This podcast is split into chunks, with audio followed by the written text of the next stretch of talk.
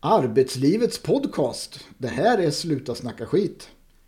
En podcast som ger plats för insikter, perspektiv, framtidsspaningar och goda exempel. Vi kopplar teori till praktiska exempel och berättelser. Vi heter Mårten Salander och Rafael Pimenta. Tillsammans har vi verkat som konsulter inom organisering och ledning i över 20 år och vi har skrivit ett flertal böcker inom ledarskap och organisering. Välkommen till podden! En klyscha vi hör är att många vill ha utveckling men få vill utvecklas. Det har fått oss att fundera över Vill vi ha utveckling eller bara underhållning? Har vi en övertro på metoder och koncept? Måste allt gå så fort eller varför är vi så rädda för att det kan ta tid? I den här podden ska vi prata om vi verkligen vill ha utveckling eller om det bara handlar om att tända så många tomtebloss som möjligt och sen kalla det för utveckling.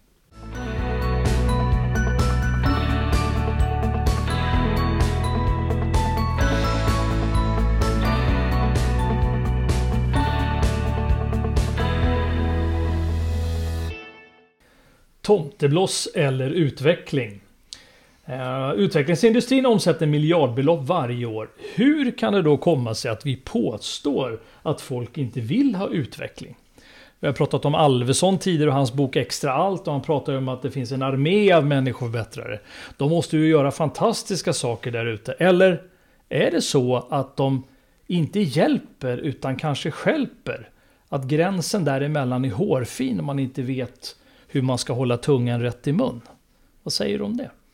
Ja, eh, vi har ju förberett ett litet exempel. Eh, jag kommer osökt att tänka på en kund eh, som vi har varit inne med. De, de hade själva som beslutsfattare deltagit i en utbildning som vi höll i.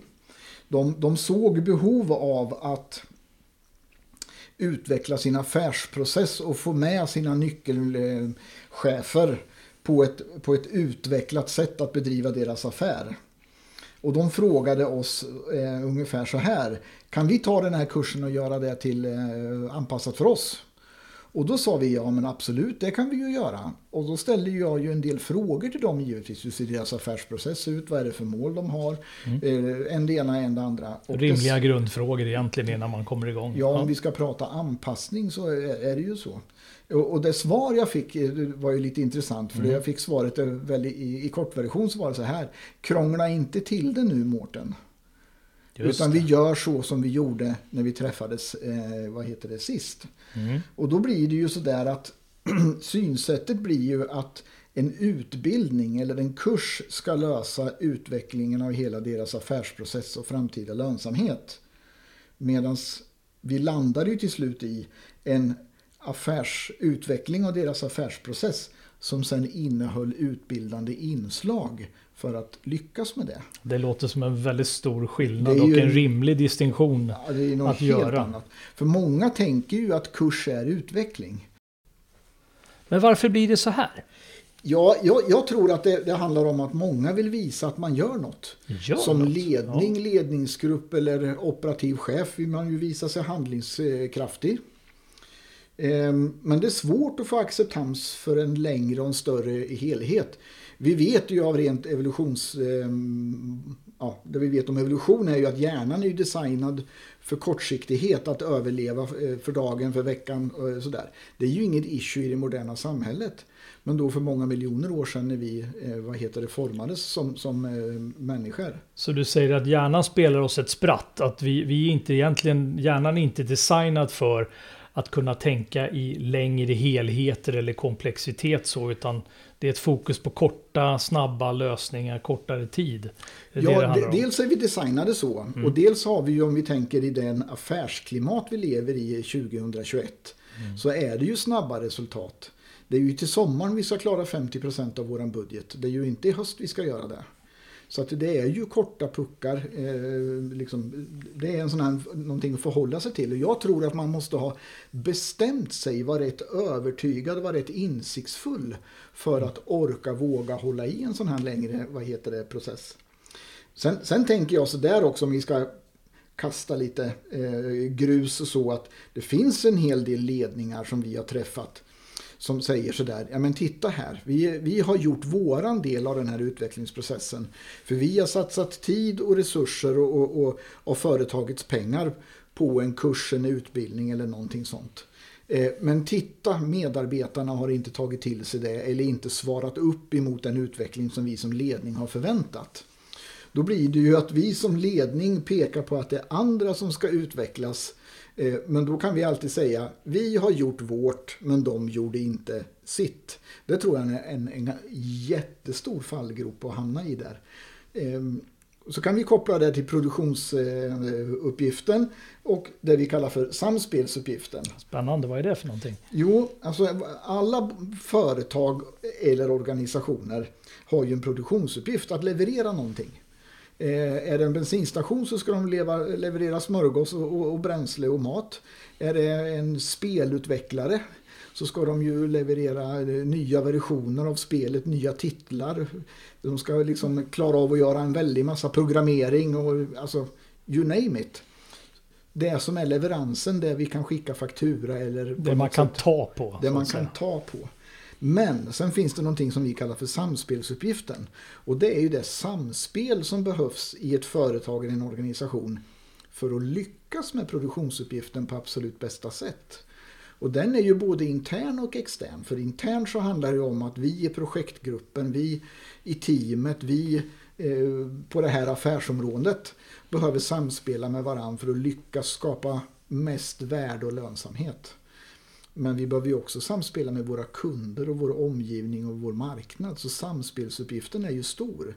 Och du och jag upplever ju att många företag är fokuserade till produktionsuppgiften. För det är lätt att mäta, det är lätt att följa upp och det är lätt att prognostisera och ja, hela, hela den biten då. Men, men eh, om man är för, för, för mycket fast i produktionsuppgiften, mm. då tänker man kurs. Och tänker man samspelsuppgiften, då förstår man att det är en utvecklingsprocess. Just det, precis. Att inte komma tillbaks till det där du pratar om att man vill visa att man gör någonting. Ja. Det lät ju nästan som regeringen som skyller på regioner och, och ja, allting. Att de inte, vi har gjort loss pengar men sen har Tillväxtverket inte fixat det eller regionerna lyckas vaccinera sig så är det någon annans Vi har i alla fall gjort vårt. Alltså jag, Ungefär så. Nej, jag kunde ja. inte låta bli att göra den kopplingen.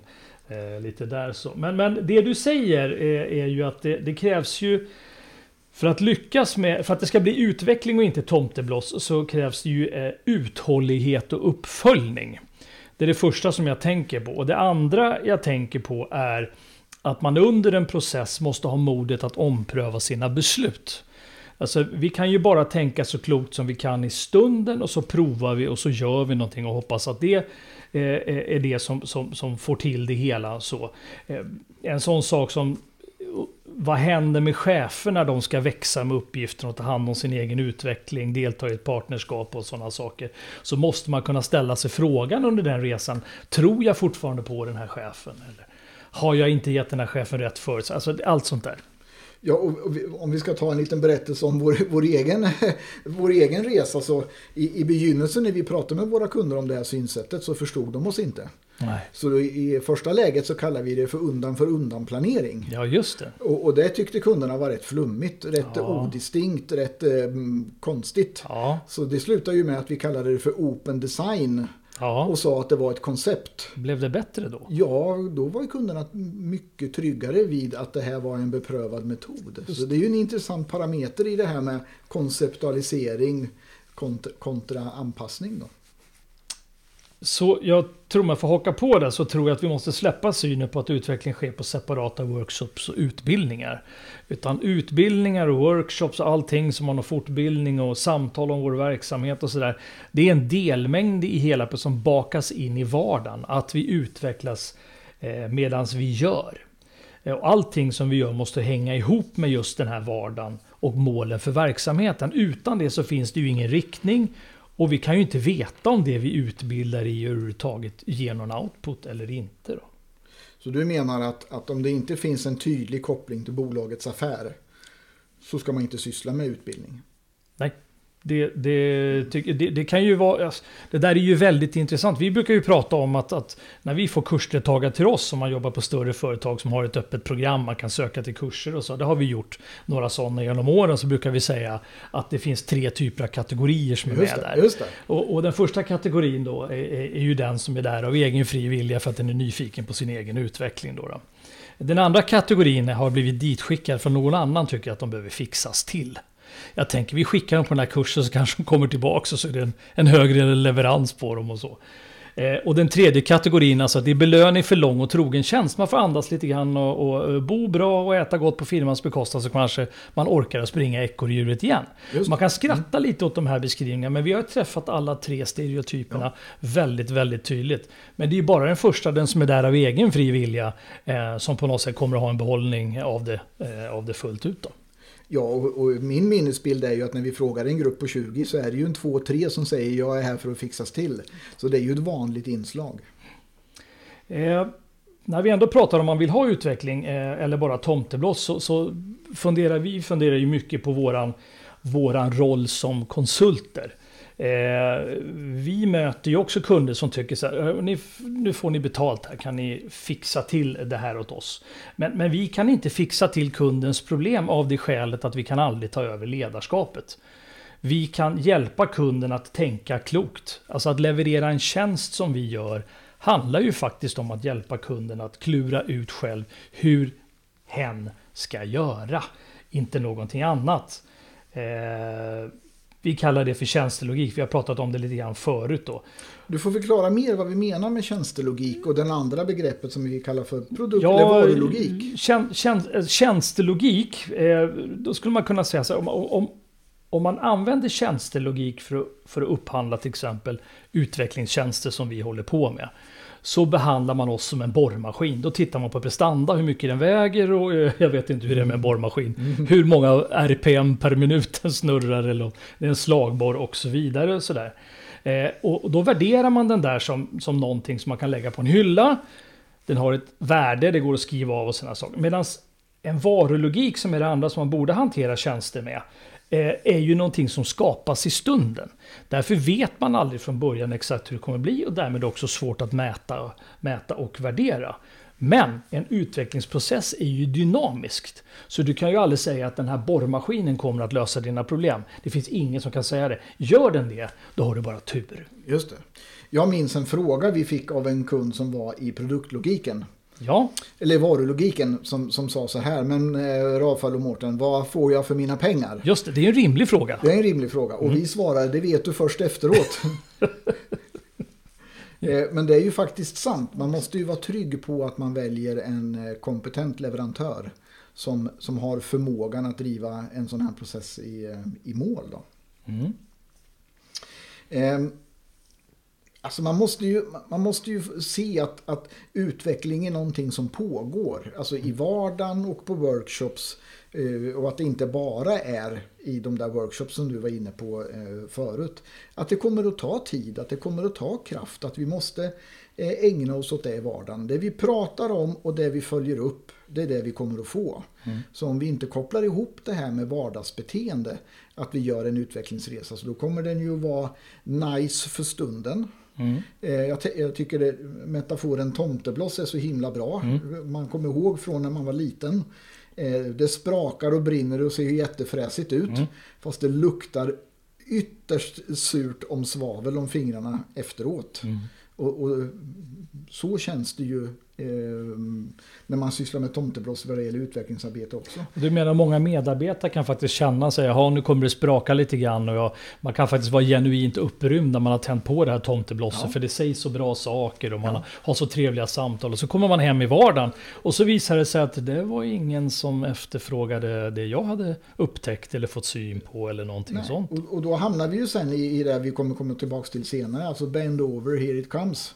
Eh, och nästa gång jag är i en organisation som vill starta en utvecklingsprocess så kommer jag vara rätt skeptisk till om det kommer att bli något. Ja. Och då blir ju det en oerhört försvårande eh, vad heter omständighet. Och egentligen kan man ju inte bli speciellt irriterad på en medarbetare som, som har blivit utvecklingstrött för att man ägnar sig åt det du och jag brukar prata om, falska starter. Man, man, man startar upp någonting och sen så har man egentligen inte kraft, resurs eller förståelse eller kompetens att ta det hela vägen i mål för man slutar alldeles för tidigt. Jajamän. Du, du har ju till och med myntat ett uttryck. Jaha. Quickfixens förbannelse. Ja, quickfixens förbannelse. Men vi kommer tillbaks till den tror vi jag. Kommer tillbaks till eh, den. Sådär. Sen, sen är det ju sådär att givetvis all personlig utveckling gynnar ju verksamheten. Eh, Jag kan få en tryggare, stabilare medarbetare. Jag kan få en medarbetare som kan ta ännu klokare beslut. Jag kan få en medarbetare som känner sig ännu bättre tillfreds, till mods eller känner att jag eh, utvecklas på det här företaget, i den här organisationen. Så det är ju jättebra. Mm, kanske Men- sjukskrivningarna minskar. Sjukskrivningarna minskar och så vidare. Men den organisatoriska effekten kommer ju inte om man inte kopplar det till affärsplaner, verksamhetsmål och lönsamhet. Det är ju därför vi med en dåres envishet hävdar att ledarskap är en hävstång för lönsamhet. Vår bransch har ju en stor fallenhet för att eh, sätta nya namn på gamla saker eller konceptualisera och hitta på sitt eget kon koncept kring varför våran metod med ledarskap är liksom den bästa. Alltså, vad, hur, hur tänker du kring det Mårten? Ja, ja, när, vi, när vi förberedde det här så roade jag mig med att googla lite grann. Eh, och jag tänkte att, eh, dra en liten lista. Eh, Mm. Det är några av de eh, benämningar som jag, jag hittade. Ehm, alltså ett grundläggande ledarskap, ett kommunikativt, ett agilt, på distans, katalyserande, certifierat, värderingsstyrt, utvecklande, coachande, motiverande, praktiskt, management 2.0, ledarskap.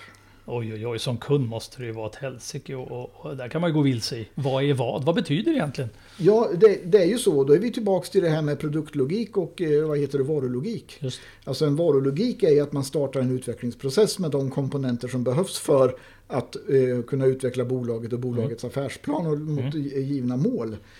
Men hur ska man som köpare kunna värdera leverantörens förträfflighet eh, och leverantörens eh, kompetens och förmåga? Det är ju en ganska svår uppgift. Och då är det ju lättare att titta på förpackning, titta på in, eh, liksom innehållspunkter. Så att man kan jämföra dem sida vid sida om möjligt. och då sådär, blir det ja. ju en varulogik. Ja. Eh, vad heter det kopplat till det? Vi har ju frågat några beslutsfattare som vi jobbar med.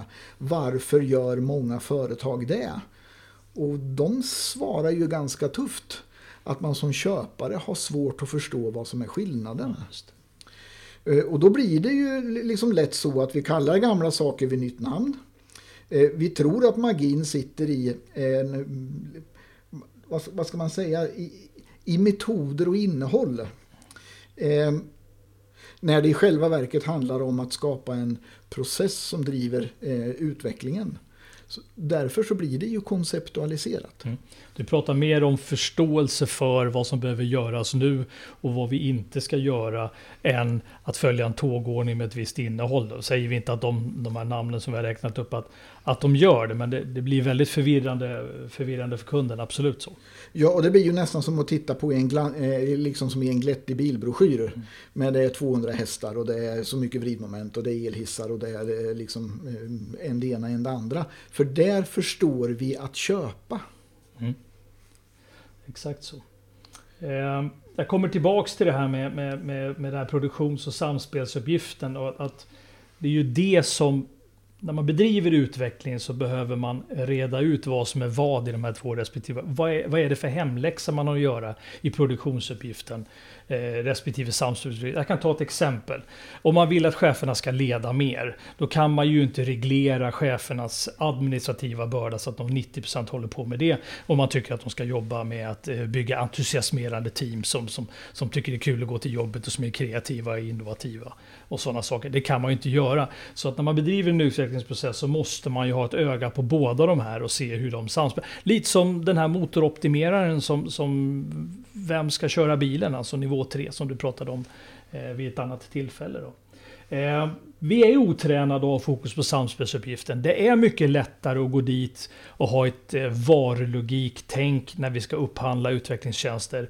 Det är lätt att falla för agila ledarskap, vad stod det, certifierande och, och ny som chef och- och så vidare. Och så, där. och så de där orden, de är, ju, de, är ju, de är ju valda med omsorg för de appellerar ju till våra känslor. Så, ja men det är precis det vi behöver. Alltså, här är det för orörligt, här måste det vara lite agilt eller någonting i den stilen. Så det, det, det är ju, om man vill vara på det humöret så är det ju faktiskt också ett sätt för, för människor i våran bransch att fin, finta kunder. Det måste man ändå säga. Så är det ju. Och, och, som kund och köpare så kan man säga vi är moderna, vi är up to date, vi har anammat eh, det agila ledarskapet eller det katalyserande ledarskapet mm. eller någonting sånt. Och då känner man att man är med i utvecklingsprocessen. Mm. När du och jag eh, vet och ser när vi tittar på de här eh, olika uppläggen att de innehåller parametrar för att tillfredsställa grundläggande mänskliga behov.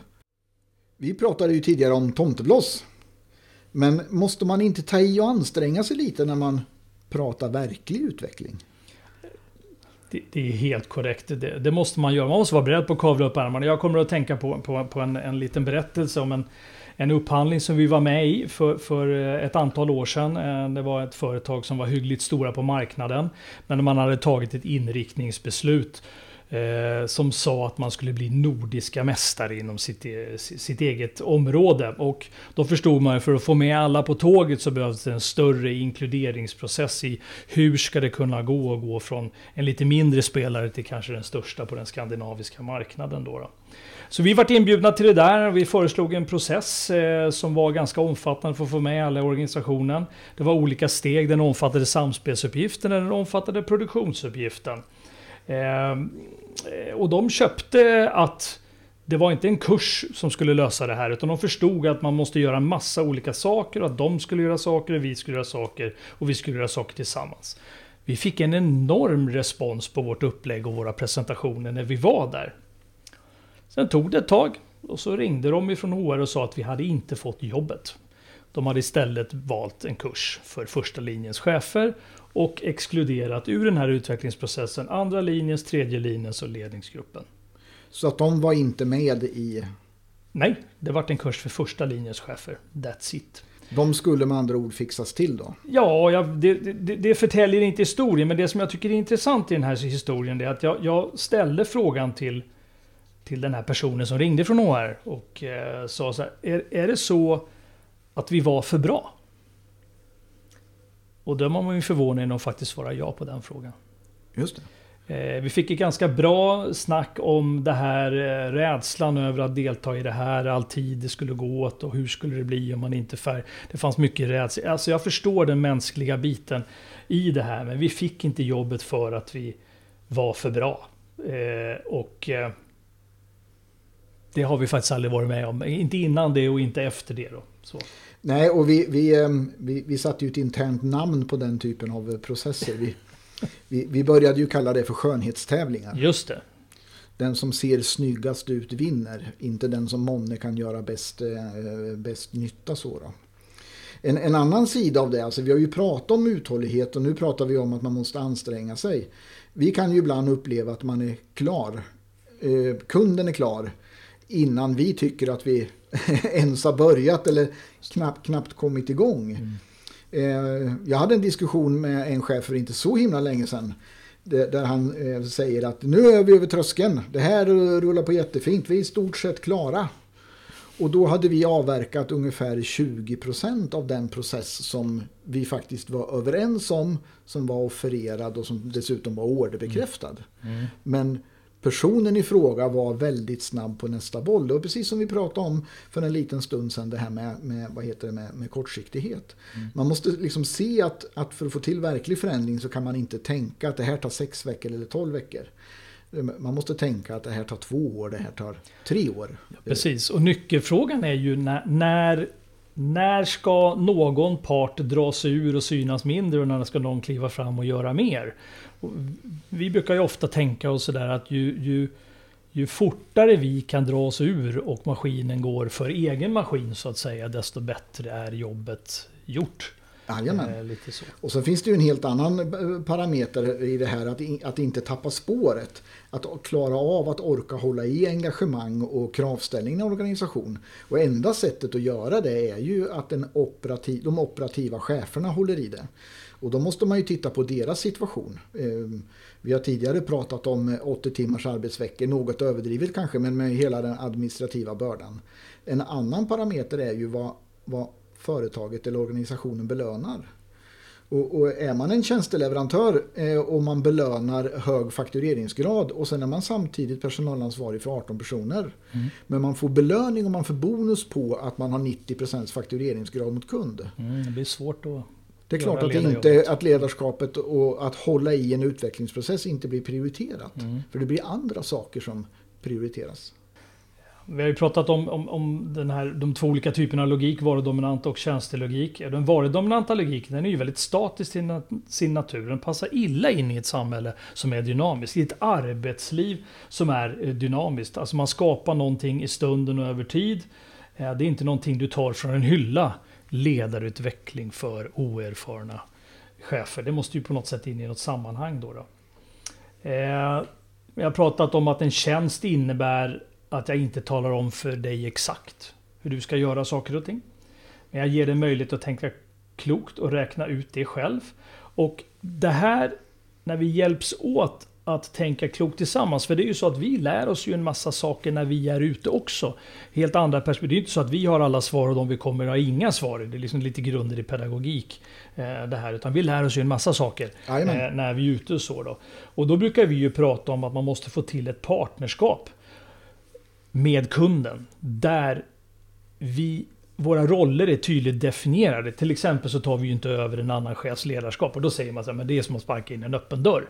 Men om man synar det närmare så händer det faktiskt mer ofta än man tror. Och det här måste man kunna prata om på, på, eh, på ett bra eh, sätt. Jag tänkte komma tillbaka till eh, det här uttrycket Rafael som du, du har myntat, quickfixens förbannelse. Ja, just det. Vad, vad tänkte du på när, du, när den klack till i, i, i dina tankar? Ja, det finns ju... Det finns, själva, själva quickfixens förbannelse är ju, alltså det är ju rätt informativt i sig, men jag kommer att tänka på en liten historia. Eh, återigen då, det, det, här är, det är en hel del år sedan när jag var på ett, ett, ett av våra större företag eh, i Sverige. Det var en ledningsgrupp som skulle utvecklas. Eh, Eh, jag fick komma in i det allra heligaste, finaste rummet där och blev mottagen av, av, av ehm, eh, en chef där som skulle prata med mig. Eh, jag fick en, för, en lång föreläsning om hur, hur, bra den här gruppen var och hur, hur eminent arbete de utförde och sådär. Men eh, även bra grupper behöver ju utvecklas eh, från, från tid till annan och då fick jag veta varför att jag var där. Eh, och jag är ju gammal officer i botten så jag har varit på en och annan ordergivning så jag var ganska bekant med formatet och bekväm med formatet. Men det var en ren och, det var en ren och skär ja. ordergivning. Jag fick också reda på att den konsulten som de egentligen hade valt hade varit ofin nog att tacka nej. Så det var därför jag var där. Jag var liksom andra, andra chansen om vi använder eh, metaforen med Melodifestivalen. Eh, så då. Eh, och jag försökte ju hela tiden komma in på något sätt, för han räknade upp vad som skulle göras. Det var en, det var en lång punktlista på vad, vad de ville ta tag i med den här gruppen och, och prata och diskutera och sådana saker. Eh, och jag tänkte liksom när han räknade upp den där listan så här, okej, okay, om allting eh, är bra i den här gruppen, alla drar jämnt, de har samsyn på mål och sådär, så är det där en åtta dagars aktivitet och jag skulle få en dag. Så att jag förde upp det eh, lite, när han behövde andas ibland så tryckte jag in det där och så frågade jag honom precis det. Drar ni alla jämnt och har ni samsyn på allting, då kan vi ju göra det där på, på kortare tid. Men, men tror du själv på det? Då vart han ganska tyst i andra änden faktiskt och insåg att han räknat upp en ganska lång önskelista och egentligen talat om för mig att den var nog inte så himla bra den här gruppen. Eh, lite så. Eh, det slutade med att vi jobbade nio dagar med den här gruppen när vi hade fått lite samsyn på hur behoven skulle mappas mot diverse aktiviteter. Just det. Och, och, det där är ju lite spännande för det är ju det på något sätt som är grundkalkylen när man jobbar med utvecklingsarbete. Vad är det man vill åstadkomma och vad finns det för resurs? Och risken är ju som du berättar att man tar en alldeles för stor önskelista och trycker in i en resurs som är alldeles för liten. Mm. Och då blir det ju att man skrapar lite på ytan, man forcerar eh, där och då är vi ju tillbaks till det med quickfixens eh, förbannelse. För, för vad, är den, vad är en förändringsledares absolut viktigaste uppgift? Jo, det är ju att skapa trovärdighet i att det här ska bli någonting. Så att för mig som medarbetare är det värt att eh, engagera mig. Mm. För har jag varit med om några quick fix innan så tänker jag ju bend over, here it comes again. Eh, och så tänker jag att nej men det här behöver jag inte engagera mig i för det går snart över. Och då är man ju inne i en spiral där man kan vara säker på att det inte, att det inte blir någonting då. Mm. Eh, alltså, sen, sen, måste man ju förstå att det här tar tid ifrån eh, någon form av operativt eller affärsmässigt arbete. Mm. Men egentligen om jag är ledare för en verksamhet, vad är då egentligen min yttersta uppgift? Är inte det att möjliggöra för organisationen, avdelningen, gruppen att kunna leverera det resultat med skapa den kvalitet. förutsättningar för ja. Mm. Skapa förutsättningar för. Och då är det väl utvecklingsarbetet som är arbetet, tänker jag. Ja, det tycker det låter väldigt rimligt. Eh, och, och, vi har sagt det förr i många sammanhang att kurser i människoförbättring, om vi får ta, eh, om vi får ta vad heter det, uttrycket ifrån Mats Alvesson, borde slutas köpas. Alltså det förvånar ju oss fortfarande att man skickar chefer på, på eh, lösryckta utbildningsaktiviteter i koncept som formades på 70-talet och så kallar man det för ledarutveckling. Mm. Eh, alltså man kan ju inte vara förvånad att det inte blir någonting.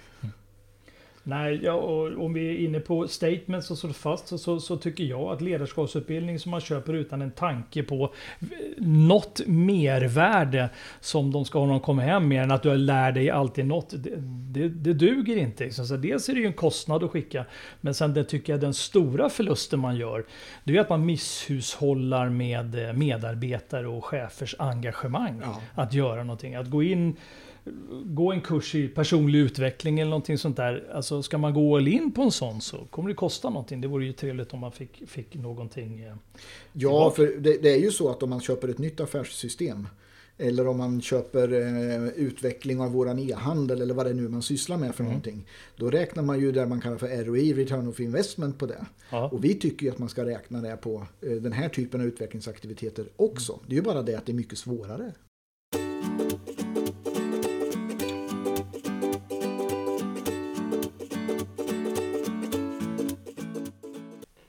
Nu har vi kommit till eh, punkten boktips. Och Rafael, vad har vi valt för bok idag?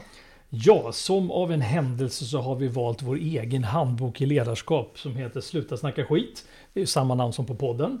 Eh, med underrubriken Våga provocera, provocera för ett bättre ledarskap. Eh, jag tänkte ta lite grann om bakgrunden till den här, till den här boken. Vi, vi det finns ju många likt oss som är småföretagare och så, som kanske inte anser sig ha vare sig råd eller tid att gå ledarutbildningar. Sånt som kan vara som finns för många som jobbar inom offentlig förvaltning eller stora företag. De, de har ju oftast en ganska stor utbildningsapparat. Ja, och tittar man eh, på den litteratur som finns så är ju den oftast skriven för stora organisationer. Att man är en del av en större stor organisation. From good to great allt vad de heter. Saker. Mm. Det, jag, jag, jag, håller med om det. Så vi ville skriva en handbok som på enklaste sätt skulle ge både kunskaper och färdigheter till chefer eller företagsledare där ute att göra saker själv. För det finns väldigt mycket som man kan göra själv eh, i sitt ledarskap. Man behöver inte hyra in sådana som oss för, för allting. Så det var bakgrunden till, eh, till boken så. Och då tänkte vi att vi måste bedriva lite empirisk forskning så vi fick, eh, fick låna ett antal företagare i ett företagarnätverk i, i Östergötland. Eh, och vi ställde två frågor till dem. Då, så här, behövs en sån här bok? Och den andra frågan är, hur bör den vara utformad till form och innehåll för att den ska kännas som användbar? Ungefär så frågade vi. Så hade vi en workshop med dem under en dag och fick fantastiskt hjälp. Och vi har försökt att beakta så mycket vi bara eh, kunde av, av de tipsen vi fick. Och det resulterade i den här boken. Då, då. Och vi, jag skulle vilja påstå att det, det, är faktiskt nog den enda handboken på marknaden som gör skälet för handbok. Eh, så den har tre delar. Eh, den första delen handlar lite grann om det vi kallar för flum, alltså förstå lite teoretiska modeller och saker och ting hänger ihop. Vi försöker beskriva det som en röd tråd varför, varför vissa saker har en plats när man bygger ledarskapsgrund och så vidare och så vidare. Eh, den andra delen är ett antal verktyg, eller 14 verktyg. Eh, Vad är det för typ av verktyg? Då? Ja, det kan vara feedback, det kan vara personalmöten, det kan vara lära känna-övningar, delegering, Grupputveckling, konflikthantering är ju en sån där som alltid handlar om topp när vi pratar med människor om vad de vill ha hjälp med. Eh, just verktyg konflikthantering, och det gäller alla verktyg, så finns det en komplett modell för hur man kan göra före, under och efter för att hantera en konflikt. Till och med hur man lägger upp övningar med tidspassning och grejer. Så att, så att Läser du boken, slår dina kloka huvuden ihop med någon annan sådär så, så finns det ingen skäl till att inte våga börja göra. Det är ingen större rocket science. Men vi har valt att sammanställa det på ett förhoppningsvis så aptitligt sätt som möjligt så att folk ska våga kliva över linjen. Just det, och just det. Eh, få inspiration att göra det här. Då. Den tredje delen är eh, fyra stycken personliga ledarskapsberättelser eh, vi skulle kunna säga ledarskapsresor. Människor som vi har känt i många, många år.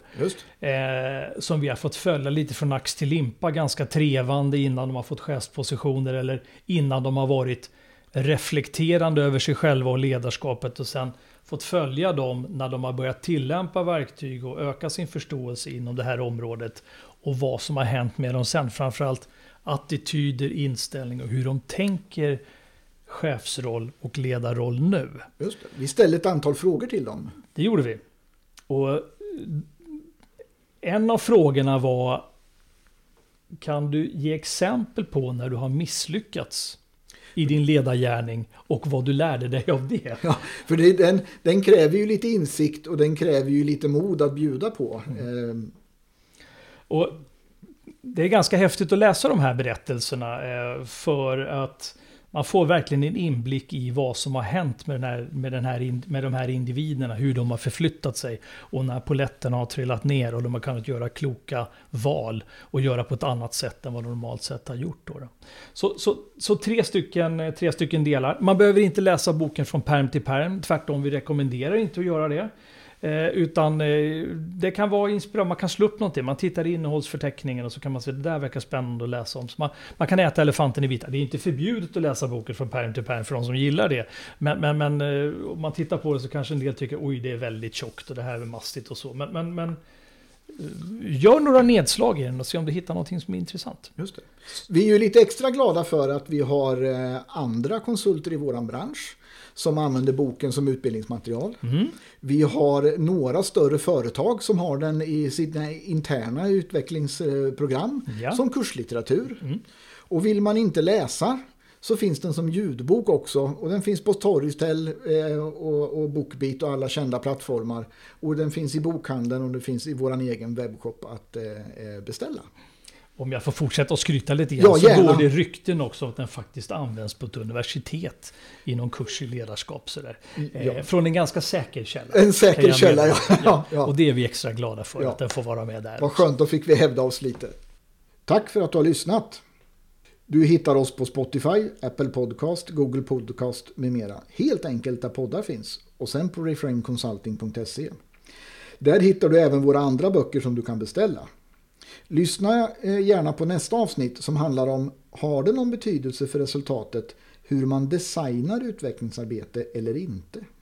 Alltså, har designen, upplägget, eh, byggstenarna någon betydelse? Känner du någon som behöver vår hjälp? Har du några frågor eller vill du anlita oss som konsulter? Tveka inte att kontakta oss på info at reframeconsulting.se